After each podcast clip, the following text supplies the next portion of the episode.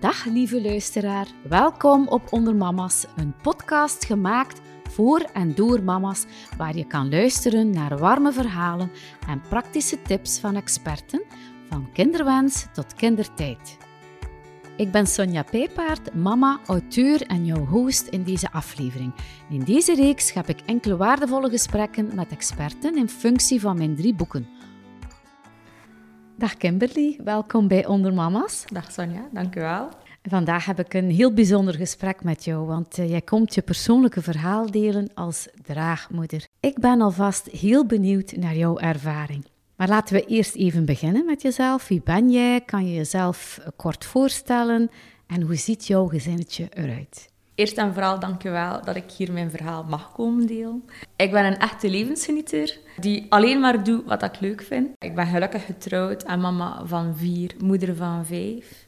Samen met mijn man Bram heb ik uh, vier fantastische kindjes. En in 2020 zette ik samen met hen Sarah op de wereld, het dochtertje van Frits en Joey. Mooi, daar gaan we dieper op ingaan, want het uh, klinkt alvast heel interessant om jouw verhaal te horen. Want ja, men spreekt van draagmoederschap wanneer een vrouw een zwangerschap ondergaat en bevalt van een babytje om het nadien af te staan aan de ouders, mhm. die zelf niet zwanger kunnen worden. Hè. En dit met de bedoeling om de ouderschapsrechten en plichten over te dragen aan de wensouders. Ik ben uh, wel heel erg benieuwd om te horen hoe jij zelf voor het eerst met het draagmoederschap in aanraking kwam. Ja, dus uh, een beetje via een omweg eigenlijk. Enkele jaartjes geleden zag ik een artikel in de krant van een koppel die geen genetisch materiaal mocht gebruiken om zelf zwanger te worden. En die zocht een eiceldonor. En ik had mij daarvoor aangemeld, eiceltjes gedoneerd. Ik denk dat ik dat een keer of twee, drie gedaan had. En toen zei ik tegen mijn man van, als dat ooit nog een keer op mijn pad komt en kan daar iemand gelukkig mee, maar waarom niet? Ik heb dat zelf niet meer nodig, dat gaat anders verloren. En um, ja, een aantal jaar terug zag ik op sociale media een oproep van Frits en Joey die een eicel zochten. Ze hadden een draagmoeder, maar die draagmoeder wou niet dragen met haar eigen materiaal. En ze waren op zoek naar iemand die een eicel wou afstaan voor hen. We hadden afgesproken met die, met die man. Dat was een ongelooflijke klik van de eerste seconde toen we elkaar gezien hebben eigenlijk. Op een gegeven moment werd er gesproken over de donatie. En omdat wij twee verschillende nationaliteiten hadden, moest de pick-up van de eicelletjes gebeuren in Cyprus. En mijn man had gezegd van, ja, ook van wel dat iemand gelukkig wil maken, dat iemand wil helpen met een kinderwens. Maar in Cyprus, een vreemd land, een vreemde dokter, een ziekenhuis waar je nog nooit geweest bent. Er moest maar een keer iets gebeuren terwijl je daar zit, uiteindelijk met vreemden. Want toen kenden we elkaar nog zo goed niet. Hè. Er moest maar een keer iets gebeuren, terwijl dat ik hier in België zit met de kindjes en dat hij dat heel alleen zit met die twee man. Ik kan u niet komen helpen. Ik zou je dan nog liever negen maanden zwanger naast mij hebben, dat ik u in de gaten kan houden, dan dat je daar helemaal alleen naartoe moet. Maar ik ben altijd super graag zwanger geweest van mijn eigen kinderen. En ik had zoiets van, ja, ik zou dat wel nog een keer willen doen, maar mijn kinderwens is voltooid. Maar als ik zwanger ben, wat moet ik doen met dat kindje?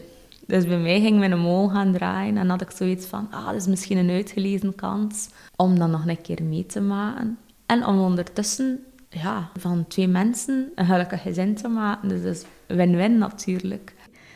Ja, dus de reactie van uh, je partner die was op jouw uh, wens ook en op de andere hun wens heel positief. Ja. Uiteindelijk. Ja. is helemaal meegegaan in het verhaal. Ja, die, die was eigenlijk degene die mij ja, dat duwke gegeven heeft. Ja, Om alles een beetje in de hang te steken. Ja. Dus een hele boterham, maar wat velen niet weten is dat er meerdere vormen van draagmoederschap zijn. Laagtechnologisch, hoogtechnologische draagmoederschap. Wat is het verschil tussen beide? Het grote verschil zit dan in het gebruik van genetisch materiaal. Bij hoogtechnologisch draagmoederschap is de draagmoeder niet genetisch gelinkt aan de baby die ze draagt. Dus dat wil zeggen dat de, de zwangerschap tot stand komt door het gebruik van materiaal van de wensouders of door een donor. Die zwangerschap komt dan ook altijd tot stand in een ziekenhuis. Die kan anders niet tot stand gebracht worden. Bij laagtechnologisch wordt er wel gebruik gemaakt van het genetisch materiaal van de draagmoeder. Dus dat gaat om een eicel die gebruikt wordt van, van zichzelf. En dat is een zwangerschap die zowel in een ziekenhuis tot stand kan gebracht worden, maar ook door de huis, tuin en keukenmiddeltjes, om Ja. het zo te zeggen. Ja, ja, Dat is eigenlijk het grootste verschil. ja, ja. Zijn er voor- nadelen aan eh, beide vormen? Wat bij het ene het voordeel is, is bij het andere het nadeel natuurlijk. Ja, Het grote voordeel van hoogtechnologisch zwangerschap, draagmoederschap, is dat het voor de draagmoeder heel duidelijk is dat de baby van de wensouders is. ja, Wat dat soms voor een bepaald gevoel kan zorgen bij de draagmoeder. Bij laagtechnologisch is het, het voordeel dat er geen grote ziekenhuisonderzoeken en geen psychologische romslomp bij komt kijken van onderzoeken en testen, controles die moeten gebeuren vooraf. Wat dat bij hoogtechnologisch wel gebruikelijk is natuurlijk. ja. Hoe zit dat nu in België? Welke vorm wordt er bij ons aanvaard? In principe geen enkele. Draagmoederschap zit in een grijze zone. Ja, hoogtechnologisch wordt meer ondersteund, omdat dat meestal in een ziekenhuis Ja. plaatsvindt. Maar ik kan niet uit, uit ondervinding spreken, maar ik hoor wel van anderen dat hoogtechnologisch draagmoederschap die via een ziekenhuis tot stand komt, dan ook onder bepaalde voorwaarden moet plaatsvinden. En dat, is- dat gaat dan meestal om het feit dat de draagmoeder de link moet hebben met een wensouder, bijvoorbeeld een zus, een nichtje. Ja, dat heeft wel zijn gevolgen, zo denk ik. Hè? Dan, als dat eigenlijk in België niet echt wettelijk geregeld is. Ja, dat klopt. In België worden draagmoeder en haar echtgenoot vanzelfsprekend juridisch ouder, omdat het kindje geboren wordt in hun huwelijk. Alle kindjes die in het huwelijk geboren worden, komen automatisch in hun huwelijksakte, worden eh, ingeschreven bij hen. En dat gebeurt ook bij hoogtechnologisch, terwijl dat die baby genetisch van geen enkele van de draagouders is. Dat is wel iets pijnlijk, niet alleen voor wensouders, maar eigenlijk ook voor de draagouders, omdat die dat doen met de beste bedoeling. En dat die dan toch die juridische romslomp, om het zo te zeggen, er cadeau bij krijgen, terwijl dat, dat niet, de, niet de bedoeling was. Ben je zelf voorstander van een wettelijk kader? Kan ik dat daaruit afleiden? Ja, ja maar jammer Ja. genoeg is een wettelijk kader in mijn ogen heel moeilijk, omdat er heel veel facetten bestaan van draagmoederschap. Om te beginnen heb je al hoog- en laagtechnologisch draagmoederschap. Dat zijn al twee heel uiteenlopende ja, avonturen, om het zo te zeggen. Maar dan is er in alle twee de vormen van draagmoederschap zoveel verwikkelingen die kunnen gebeuren, of zoveel verschillende situaties, dat dat volgens mij niet in een perfect wettelijk kader kan ge- worden. Ja, Het enige wat dat ik denk dat er idealiter een perfecte oplossing zou zijn, is een, ja, is een soort consultatiebureau waar dat je naartoe kan gaan, waar dat er iemand zit die ervaring heeft rond draagmoederschap en die kan zeggen van kijk, dat is het soort draagmoederschap dat bij jullie past. En dat zijn de stappen die je moet ondernemen om tot het resultaat te komen. En dat je samen met die persoon en een psycholoog en een arts en een, een juriste aan één touw trekt om dat juridisch in orde te brengen. Maar een echt wettelijk kader daarom vormen, denk ik dat er bijna niet haalbaar is. ja, want het zal dan maar gebeuren dat een draagmoeder juridisch gezien dan ook de moeder is van het kindje en daardoor kan beslissen om het kindje te houden. Ja, dat klopt. Het zijn Ja. situaties die zich waarschijnlijk al voorgedaan hebben. Ehm, in mijn inziens is dat heel weinig gebeurd. In mijn nabije kring rond draagmoederschap ben ik het zelf nog niet tegengekomen dat er een draagmoeder op haar beslissing teruggekomen is. Maar in principe kan het wel, want Ja. juridisch is het jouw kind. Heb je contacten met eh, andere draagmoeders? Ja, Zijn jullie dan zo'n community ook? Of hoe, hoe Oh ja, gaat een dat dan? community. Ik vind dat soms heel moeilijk om dat zo, ja, zo te zeggen, maar ja, je vindt daar ergens wel een steun in om met gelijkgestemden, omdat je meestal ja, dezelfde denkwijze hebt. Het schenken van geluk aan iemand anders. Ja, en wanneer worden de wensouders dan uiteindelijk ook de juridische ouders? Bij bewijs van genetisch verwantschap met het kindje. Dus eigenlijk ja, bij een DNA-test. Ja, dus Ja. het wordt dan geboren en dan daarna moet er dan DNA-test afgenomen worden. Ja. Wordt dat onmiddellijk dan gedaan of binnen welke... Het kan onmiddellijk via het navelstrengbloed kan er een staaltje genomen worden om DNA te bepalen. Het zijn er die het achteraf doen ook. Ja, de dag van vandaag DNA-testen. dat houdt niks meer in. Maar aan de hand van een DNA-test kan er wel bewezen worden van ik ben genetisch ouder of biologisch ouder van dat kindje. Ik heb recht op dat kind. Ja. Commercieel draagmoederschap is in België niet uh, toestaan. Hè? Hoe komt dit en wat vind jij daar zelf van? Wat is dat eigenlijk, ook commercieel draagmoederschap? Uh, commercieel draagmoederschap is dat je ervoor betaald wordt om een kind te dragen. Hoe dat het komt dat het niet mag of niet toegestaan is, daar ga ik me niet over uitspreken, want daar zijn er heel veel verhalen rond. Zelf vind ik het vanzelfsprekend dat je dat doet uit mensenliefde, dat je dat niet doet voor het geld. Want als je dat doet voor het geld, ben je helemaal verkeerd bezig. Dat is een veel te delicaat onderwerp om daar nog een keer de grote flappen voor te vragen, om het zo te zeggen. Ik, vind dat, ja. ja. ik vind dat uitbuiting. Ja. Ik vind dat je dat alleen maar doet als je dat doet uit pure mensenliefde en om, om, om iemand te helpen. Ja. Dat is... Een mooi initiatief en een mooie, laten we zeggen, inspanning toch wel ook, om dit traject ook te doorstaan. Hè? Dus het moet al met heel veel liefde gebeuren, hè? want anders... Ja. ja, we moeten echt met heel veel liefde doen. Ja. Je moet dat echt doen het diepste van je hart. En mm. meestal zijn dat dan, als je zo rondkijkt, wie dat er een kind draagt voor iemand anders. Meestal zijn dat mensen die echt wel al in vrijwilligersorganisaties zitten, in een oudervereniging zitten. Mensen die al jaren bloed gaan doneren of mensen die geregistreerd zijn als orgaandonor. Dat zijn meestal die personen die daarover nadenken van ah, maar ik kan eigenlijk ook al vroeger iemand helpen. Of ben ik met die eis aan, een keer dat mijn kinderwens vervuld is, kan er evengoed een ander gezin gelukkig mee maken. Waarom niet? heel mooi, heel mooi.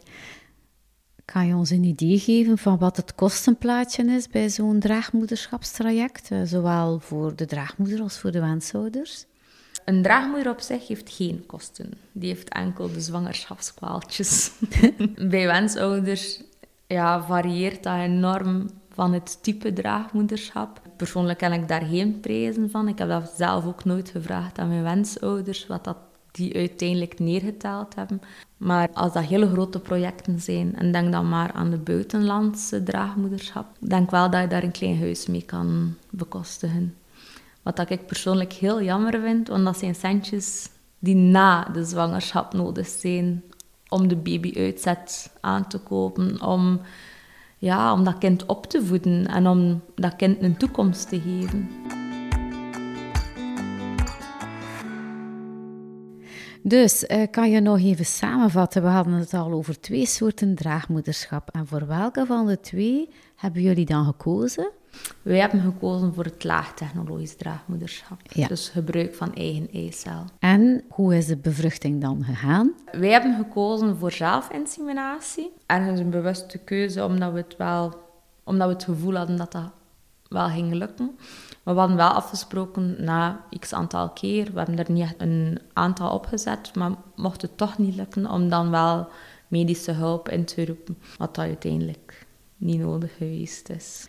En hoe lang is, heeft het dan uiteindelijk geduurd voordat je positief nieuws kreeg dat je zwanger was? Wij hebben uh, een kleine testpoging gedaan om zo dat eerste awkward gevoel, zal ik maar zeggen, om dan een keer te beleven is, is een raar woord waarschijnlijk, maar gewoon om zo een keer te weten wat dat is, om die zelfinseminatie te doen. En daarna, na de eerste poging, was het een positieve test. Mhm. Oké, en hoe heb je dit dan aan de papa's verteld? Die mannen waren op reis geweest.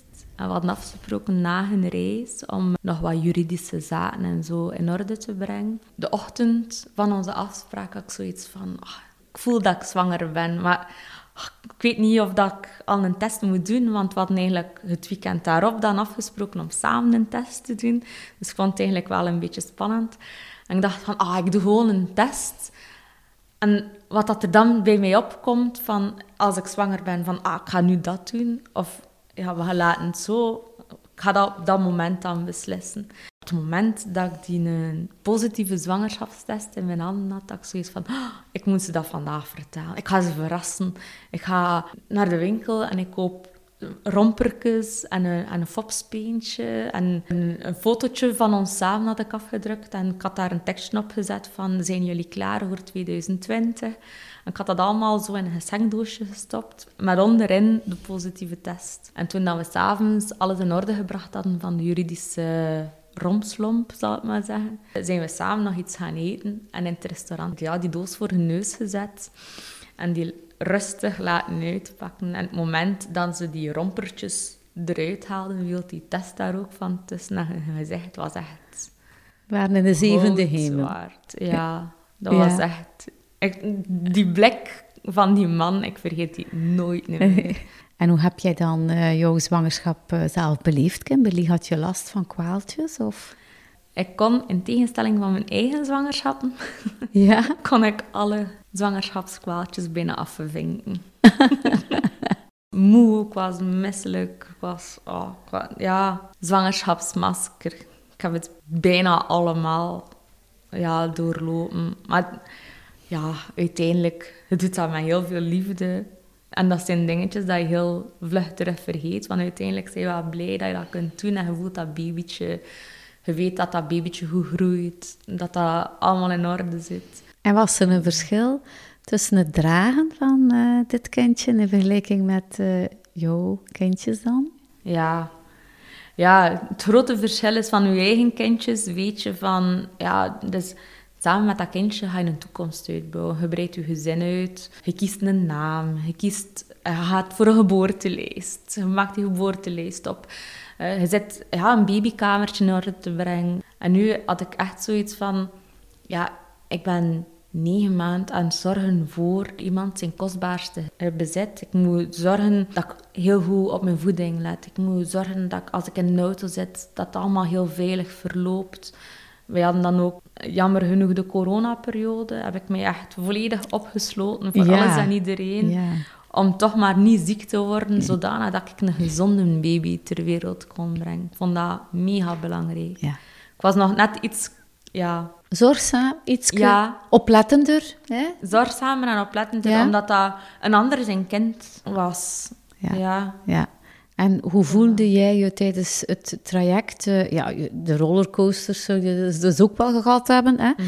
Misschien nog iets in een, in een ergere mate. Hoe moeilijk heb je het gehad? Ik heb het niet, niet moeilijk gehad. Iedereen heeft een keer een goede en een slechte dag natuurlijk. Maar ik heb nooit ja, een diep dal gekend in mijn zwangerschap. Nee, nee, nee. Ik was, ik was altijd ja, gewerkt op aangedragen. Niet alleen door die twee man, maar ook thuis, omdat ze zo trots waren. En hoe zat het dan met uh, de doktersafspraken? Uh, ging je bijvoorbeeld samen met de wensouders naar de gynaecoloog? Ja, die zijn altijd mee geweest. Ja. Wat dan voor hen ook heel belangrijk was. Ja, om daarbij te zijn, om te zien hoe dat was met hun kindje. Want een van mijn voorwaarden was bijvoorbeeld om thuis te bevallen. Ik ben altijd thuis bevallen, ah, van mijn eigen kindjes ook. Dus ik had gezegd van, ja, als ik zelf dat kindje draag, is het op mijn voorwaarden dat het met mijn arts en mijn vroedvrouw is. Ik wil ja, in een rustige thuisomgeving dat kind op de wereld zetten. En daar ging zij dan ook mee akkoord. En natuurlijk moesten zij dan met mijn arts mee in zee. Want die zijn er altijd bij geweest. Ja. Die stonden altijd aan mijn zij. Zo fier als een gieter. Ja, ja, dus jouw man en jouw kinderen, die waren aan jouw zijde. En uiteindelijk heeft dat uh, jullie relatie dan ook beïnvloed? Of, uh... het heeft onze relatie beïnvloed in die vorm dat het ons alleen maar sterker gemaakt heeft. Ja. De trots en de liefde dat ik gevoeld heb van mijn kinderen en van mijn man, is ongelooflijk. En heb je dat dat nieuws dan voor jou gehouden? Of hoe ging dat dan naar de buitenwereld toe? Of was dat, iets wat... je niet voor u kan houden, natuurlijk. Ja, ja. Dat is iets dat, ja, en zeker wij woonden toen in een, ja, in een dorpje waar iedereen iedereen kent. Dus dat gaat heel vlug over die tong. Ik moet eigenlijk eerlijk zijn dat ik niet weet hoe dat de omgeving daarmee omgegaan is. Dat, nee. Op dat, moment interesseerde nee. me dat. En dat nu nog niet. Want dan een ander daarvan denkt dat laat ik volledig los. Maar jouw dichte was, was op de hoogte. Hè? Ja, die waren op de hoogte. Voilà. Ja, en die leefden volop met jou mee. Ja. Hè? Kreeg je dan ook hulp van, van vrienden en familie doorheen het traject, tijdens de zwangerschap, daarna? Waren die dan ook zo begaan? Ja, dat zat aan mijn een vriendin die meegereisd is naar Nederland omdat er een verrassing op mij stond te wachten dat de papa's georganiseerd hadden. Die is helemaal tot in ja, in Nederland meegereisd, een overnachting, dan heel de weg terug. Dat zat hem in een, een, een onverwacht ontbijt, na de bevalling, in een, een wandeling als ik het moeilijk had met een vriendin, in een boeketje bloem die een maand na de, na de bevalling klaar stond aan de deur. Zo in hele, hele kleine, fragiele dingetjes, Ja. maar die zoveel betekenis hebben. Of gewoon een, een kaartje. Ik heb tientallen kaartjes gekregen van mensen dat ik niet ken. Ja. Omdat de papa's bij hun geboortekaartje een, een apart briefje hadden gestopt van... Ja, wil je Kimberly ook steunen na de bevalling? Dat is haar adres, stuur daar een kaartje. Ah, Mijn, ja. mijn woonkamer stond vol Allee. met, met, met, ja, met, met wenskaartjes. Leuk, En dat is, hè? Ja. ja, heel zot. Ja, en die thuisbevalling, hè, waarvoor dat je koos, want ja, je was, je was het gewoon van eh, thuis te bevallen. Vertel eens, is dat dan ook verlopen zoals je had gedacht, verwacht? Ja, veel beter zelfs. Ja? Jammer genoeg zijn niet alle ja, afspraken. Je kunt daar niet echt afspraken rond maken, want Nee. je weet nooit hoe dat een bevalling gaat verlopen. We hadden graag de papa's erbij gehad, maar de, Ah. de bevalling ging zo snel Ja. dat dat niet meer lukte. Dus Nee. ik heb die ook niet op de hoogte gebracht van mijn arbeid. Ja. Maar dan, de bevalling zelf was echt ja, een magisch momentje, om Ja. het zo te zeggen. Ja. Dat was, mijn man stond achter mij, die, die fluisterde mij in mijn oor. De moed dat ik nodig had, die was echt een support. Mijn, mijn jongste dochtertje stond aan mijn andere schouder en die had mijn hand vast. Op een gegeven moment dacht ik van, en nu moet ik die echt loslaten. Of dat, dat kind haar hand breekt gewoon door mijn kracht. Aan mijn andere zijde stonden mijn andere kindjes en mijn oudste stond samen met de vroedvrouw klaar om dat babytje op te Allee. vangen, om die op mijn buik te leggen. En mijn dokter had zelfs gezorgd voor mijn favoriete muziek op de achtergrond. Het was echt zo... Ja, in mijn hoofd is dat een, echt een heel magisch Het moment. was een, f- een, een feest eigenlijk. Ja, bijna. Want het was gewoon al heel leuk om dat Ja. samen met mijn gezin Ja. Ja, Sarah op de wereld te kunnen zetten. Om samen heel dat avontuur af te ronden, om zo te Want zeggen. eh, hoe oud waren jouw kindjes dan? Mijn jongste was zeven, dan eentje van negen, eentje van tien en twaalf. Ja, die hebben we heel bewust meegemaakt dan. Hè? Ja. ja, want dat was ook een reactie van mijn jongste. Ik heb ja, bijna toestemming gevraagd aan, aan de kindjes om dat te mogen, eh, om dat te doen. En ik had dan ook gezegd van, ja, ik ga jou iets vertellen dat mama heel graag zou doen voor iemand anders. Maar ik wil dat je dat nu nog als een geheimpje houdt. Je moet dat niet zeggen tegen iemand anders. Als je daar wil over praten, doe je dat met mij. En dan uitgelegd wat ik zou doen. En de reacties waren allemaal zo hartverwarmend. En mijn jongste had zelfs gezegd van... Ah, mama, ik vind dat zo leuk dat je dat gaat doen. Want ik heb jou nog nooit zwanger gezien. Ik heb nog nooit een pasgeboren baby gezien. En nu ga ik dat allemaal zien dankzij jou. En toch bleef ik jouw kleinste kappetje nu. Ah, ja, kijk. En dat was echt zo Ja. een kippenvel moment. Ja, En dan ja. ziet dat... Ja. Ik zie dat beeld nog voor mij als ze zei dat... Ja, die, die was zes of zeven jaar en die kwam dat zo vertellen tegen mij. En die leek op dat moment zo groot. Ik vond dat Ja. fantastisch. Het was vooral dus een familiegebeuren. Hè? Ja. En hoe zijn jullie dan omgegaan met de keuze wel of geen borstvoeding te geven? Heb jij jouw andere kindjes borstvoeding gegeven? Ja, Ja. fulltime. Ja, zes maanden fulltime. Dus dit werd vooraf dan afgesproken voor het babytje dat zou komen? Heb je daar... Ja, dat was ja, een van de eerste gesprekjes ook, omdat dat voor mij was dan een om die eerste voedingsstofjes door te geven aan, aan het babytje. Maar egoïstisch ook voor mezelf, om mijn lichaam terug op orde te krijgen. En de eerste reactie van de papa's was van, ja, dat is mi- misschien te intiem en te close. Wat als die band daardoor versterkt? Wat als, wat als dat kindje dan niet van een flesje wil drinken? Zo, ja, de typische redenering. Ja. En dat, die begrijp ik ook Ja, wel. ja, ja. ja. Eh, maar uiteindelijk was het zo van, ja, maar inderdaad, het is goed voor uw lichaam, het is goed voor het babytje, we gaan het toch doen. Dus toen ben ik toch borstvoeding gaan geven, Ja. ook aan Sarah. En de tweede nacht, denk ik, eh, zijn we overgeschakeld s'nachts op een flesje. Op aanraden van de vroedvrouw, die zei van, ja, maar dan hoeft hij al minder te wennen, dan is hij gewend aan een Ja. flesje, maar krijgt hij toch nog de voedingsstoffen van die eerste borstvoeding. Dat ging heel goed. Ja. S'nachts het flesje, het, eh, overdag die borstvoeding. En dan de laatste dag, had ik zelf een klik gemaakt van mijn laatste borstvoeding. Dus mijn afscheidsmomentje heb ik die langer laten duren om daar echt ten volle van te genieten. En dan de dag van hun vertrek mocht ik nog de flesjes geven voordat ze vertrok. En ja, dat was zo mijn afscheid naar haar. En ook mijn cadeau. Ik vond dat wel een cadeau om, uh, om haar borstvoeding te kunnen geven. Een hele goede start om er tegen te kunnen. Ja. En hoe was het dan om jouw draagkindje dan af te geven? Was dat moeilijk? Wanneer heb je dat gedaan? Hoe ging dat dan? Ik heb haar niet afgegeven. Ik heb Sarah gedragen voor hen. Ik heb Sarah nooit afgegeven. Ik heb een kind op de wereld gezet voor hen. Ja. En ja, dat was op gevoel, dat was op een... Ik heb die ja, waarschijnlijk naar hen te lang bij mij gehad. Maar dat was ook ons momentje om, om uit te rusten van die bevalling. En op een gegeven moment heb ik dan Sarah in een van de papa hun armen gelegd. En op dat moment was dat ja, was ik vooral versteld van mijn eigen lichaam. Dat ik voor een vijfde keer dat gepresteerd had. Een vijfde keer mijn lichaam die een mensenleven gecreëerd had. En ik was aan het kijken naar Sarah en ik dacht van... Ah, oh, zie die tien vingertjes, die tien teentjes, dat neusje, zoveel haar. dat, dat ging er door mij door. En ik had niet het gevoel dat ik een kind weggaf. Nee. En hoe was het dan voor jouw gezinsleden? Als Sarah dan het huis verliet?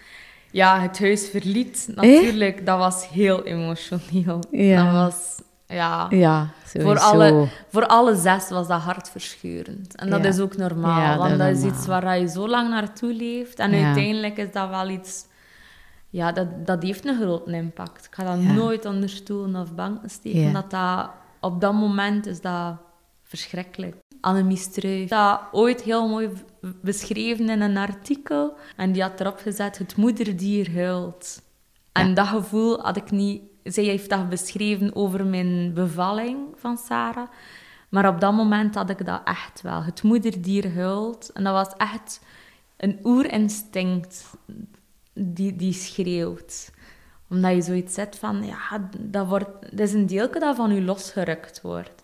Maar op het moment dat die uit beeld waren, om het zo te zeggen. Ik keer dat die in de auto zaten en die waren niet meer te zien, was dat een ongelooflijke rust die over mij viel. Was dat mijn verantwoordelijkheid over Sarah is afgerond. Ik heb terug mijn eigen gezin, mijn eigen leventje. Ik kan terug verder gaan waar dat ik negen maanden geleden gestopt was, om het zo te zeggen. Want ik had negen maanden ja, mijn eigen leventje een beetje on hold gezet om voor hen ja, om voor haar te kunnen zorgen, kan ja, zo zeggen.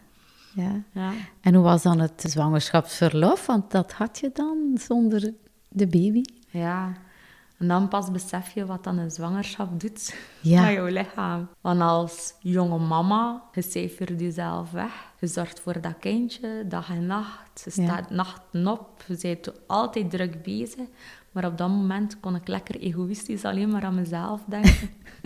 en dat was ja, ongelooflijk wat dat een vrouw doet tijdens in een zwangerschap. Ja. Je lichaam heeft zoveel gepresteerd. Ja, en dan heb je je lichaam die rust kunnen geven gedurende de vierde trimester. Ja, ja, maar ik heb ook van mijn vierde trimester. Ja. ja, die ging volledig naar mijn eigen kinderen. Die hadden dat verdiend ook. Ja, eigenlijk wel. hè? En uh, hoe zat dat dan bij de wensouders? Hadden zij dan ook verlof? Weet je dat? Ja, nee. nee. Die hadden geen verlof omdat die juridisch geen ouder waren. Een van de papa's was wel biologisch ouder, maar die werden niet gezien als ouder in Nederland. En die hebben, als ik me niet vergis, onbetaald verlof genomen om voor Sarah te kunnen zorgen. Ja. Ik denk dat die een drietal maand onbetaald verlof genomen hebben om ja, fulltime voor haar te kunnen zorgen, om een band te creëren, om te wennen aan een babytje in huis. Ja, ja. ja. Wanneer was het voor hen dan juridisch ook geregeld dat ze dan papa waren? De biologische papa heeft dus het vaderschap betwist uh, tegenover mijn man. En als ik me niet vergis, was dat een anderhalf jaar dat dat in orde was. Ja. En nu onlangs heeft de rechtbank in Amsterdam uh, de adoptie goedgekeurd van de niet-biologische papa. Ah, Dus dat is ook Kijk. in orde. Dus Ja. dat is ja, twee jaar en drie maanden of zo na de bevalling. En eh, ja, na de bevalling kreeg je dan plots het bezoek van de politie. Ja. Wat was dat dan? Ja, dat was, eh, op dat moment was dat geen cadeau, omdat dat voor mij... Dat was al een hele lastige dag geweest voor mij, hormonaal. Mijn hormoon ging van de ene kant naar de andere kant. Iets wat ik nog nooit ervaren had van mijn eigen kinderen. En eh, inderdaad, s'avonds stond de politie voor mijn deur, omdat die gealarmeerd werden door de ambtenaar van de burgerlijke stand dat er met spoedprocedure een paspoort moest aangemaakt worden om een kind mee te nemen naar Nederland. En die waren getipt voor het commercieel draagmoederschap en kinderhandel. Uiteindelijk is dat allemaal heel goed gekomen, omdat de papa's ook altijd een dikke farde mee hadden met alle informatie en alle documentatie en briefwisseling van advocaten en kinderbescherming en zo. Die hielden dat allemaal bij, die kon voorgelegd worden aan de politie. Dus dat was allemaal in orde, kon wij bewijzen dat het niet om commercieel of kinderhandel ging. Maar op dat moment was dat zo raar om de politie voor je deur te krijgen. Ja, Dat was niet zo beetje fijn. nakelig. Ja, wij waren ook heel dankbaar Ja. dat die politie daar wel stond, omdat dat ook in functie van Sarah was. Ja, Die vrouw was gewoon ja, in functie van Sarah gaan denken van wat als er Ja. gehandeld wordt met dat kind? Ja, moet ja, dat kind helpen. ja, ja, ja. Want ik ben dat dan op de burgerlijke dienst ook nog gaan zeggen van... Het was heel schrikken toen dat de politie Mhm. voor ons deur stond. Maar dank je wel dat je dat deed voor Sarah. ja. Ja. Een goede opvolging dan uiteindelijk. ja, eigenlijk wel. Ja. En als je nu terugkijkt op het hele traject, hè, waren er ups en downs of dingen die je graag anders had gedaan? Nee, ik zou niks veranderen. Nee. Nee, het is perfect zoals dat is. Zou je het nog doen? Voor hen, ja, maar niet meer voor iemand anders. Nee. Je weet hoe zwaar dat is en wat het allemaal inhoudt. Hè? Ja, maar ook omdat ik geloof dat het nooit niet meer zo kan lopen als met hen. Ja. Hoe is het contact en de relatie nu tussen jou, je gezin en, en die wensouders? Heel goed. Ja. Ja, lang leven sociale media, lang leven... Ja. En je ziet, zo, je ziet ze ook evolueren dan. Ja, ja en ze oh, razendsnel verandert dat kind. Ja, het is heel leuk om te zien Ja. hoe dat ze het doet. Ja. Vermelden ze jou, noemen ze jou? Ja. Ja? Ja. Ja, en sporadisch vertellen ze ook... Bijvoorbeeld een vriendin van hen is nu, is nu zwanger. En ze vertellen dan... Ja, maar jij zat ook in een buik. Jij zat in Kimberly's buik. Dus ze is nog heel klein. Maar op gepaste momentjes laten ze dat wel al een keer vallen. Of als ik daar ben en dat, daar wordt over gesproken... Dan zeggen ze wel... Ja, maar jij zat in Kimberly's buik. En ja, dat vind ik wel fijn. Dat is dat ook, als ik er ben, benoemen van... Ja, maar je komt niet zomaar uit de lucht gevallen. We hadden iemand nodig om jou hier bij ons te krijgen. Dat wij wel zo'n speciale plaats hebben in hun leven ook. ja. Ga je regelmatig op bezoek? Ja, ja wij, gaan, wij zien elkaar regelmatig. Ja. Zij komen naar België of wij gaan naar Nederland. Ik denk dat wij toch ja, een viertal keer persoonlijk contact hebben. Natuurlijk, ja, als, als er rechtszaak was, Ja. zagen we elkaar dan ietsje meer. Maar dan Ja. was het zonder kindjes, dus zonder Sarah en zonder onze kindjes. Maar er is een heel goed contact. En heb je daar vooraf eh, afspraken rondgemaakt? Ja, we hebben wel iets op papier gezet in zaken de, de zwangerschap. En daar stond dan bijvoorbeeld op wat dat er zou gebeuren als er een afwijking was bij het kindje. Of ja, als er problemen waren tijdens de zwangerschap. Of wat als de papa's komen te overlijden tijdens de zwangerschap. Wat gebeurt er dan met dat kind? Werd er een voogd aangesteld? Maar uiteindelijk is dat, dat is een voddenke. hè. Er zit Ja. niks mee met die verklaring. Nee, nee. Er wordt eh, over veel dingen nagedacht vooraf. Hè? Al, als er iets gebeurt en zover, dat het allemaal dan geregeld is. Ja. Maar jullie allee, spontane ontmoetingen, om haar ook te zien opgroeien, of contact met jou blijft onderhouden, ja. is dat een, een afspraak zo? Ja, wij hadden wel gezet Dat stond ook in dat contract, dat wij minimum twee keer op een jaar contact zouden houden, omdat Sarah wel zou moeten weten wie haar moeder is. Mhm. Dus eigenlijk in functie van Sarah. Dat, dat is vooral voor stel dat er oneenigheid komt. Stel dat er een ruzie komt en we hebben nooit geen contact meer. Dat wij wel kunnen zeggen van, ja, maar ja, wij hebben wel de afspraak gemaakt om voor Sarah te zorgen dat er ergens een overeenkomst is. Dat Sarah mag weten wie ik ben. Of dat ze mag contact zoeken. Welk misverstand over draagmoederschap wil je graag de wereld uit eh, helpen? Dat je er rijk van wordt. ja, maar mensen denken allemaal dat ik daar sommen geld voor gekregen heb. Maar dat is niet waar. Nee. Het enige waar ik rijker van geworden ben, is vrienden. Heel veel liefde, heel veel vriendschap. Maar, Respect ook waarschijnlijk, hè? ja, respect. Ja. Maar eh, mijn bankrekening is er, eh, is er niet dikker op geworden. Zou je het draagmoederschap dan aanraden aan zowel draagmoeders als wensouders? Nee, dat klinkt misschien heel raar, maar draagmoederschap is zoiets persoonlijk dat je niet kan zeggen van ja, maar waarom kies je niet voor draagmoederschap? Waarom word je geen draagmoeder? Waarom zoek je geen draagmoeder? Dat is iets dat, dat zit in u of dat zit niet in u. Je kunt dat, er is niemand die je daarvan kan overtuigen. Het enige wat ik wel wil doen, is mensen begeleiden en helpen daarin. Iemand aanraden om draagmoeder te worden of om een draagmoeder te gaan zoeken, Nee. dat gaat mij niet worden. Nee, nee, begrijp het. Ja, nee. Dat is te, te persoonsgebonden, te situatiegebonden. Het moet eigenlijk vanuit de mens zelf komen. Hè? Ja.